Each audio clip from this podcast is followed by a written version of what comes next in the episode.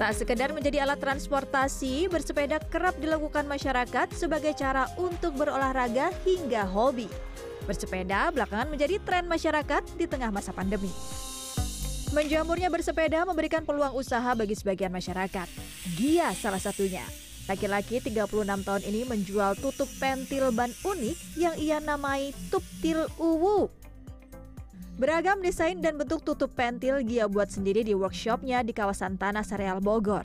Semuanya mirip dengan karakter film terkenal seperti Star Wars, The Simpsons, Toy Story, Ultraman, Mario Bros, SpongeBob, Marvel, Ninja Turtle, Sesame Street, hingga One Piece.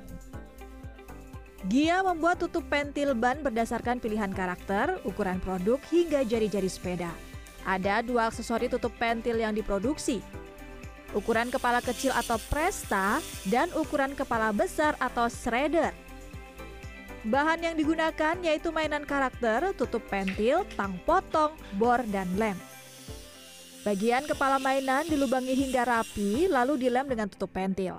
Dalam sebulan, Gia berhasil menjual tutup pentil ban produksi hingga 50 pasang melalui reseller bengkel sepeda, marketplace, juga media sosial. Penjualan produk pengusaha asal Bandung ini juga telah merambah pasar luar negeri.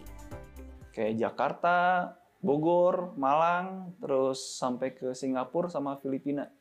Jualnya lumayan ya, Sem uh, sempet paling gede tuh omsetnya di 14 apa 15 juta. Uh, kurang lebih tahun kemarin tuh pas lagi demam sepeda lagi naik banget.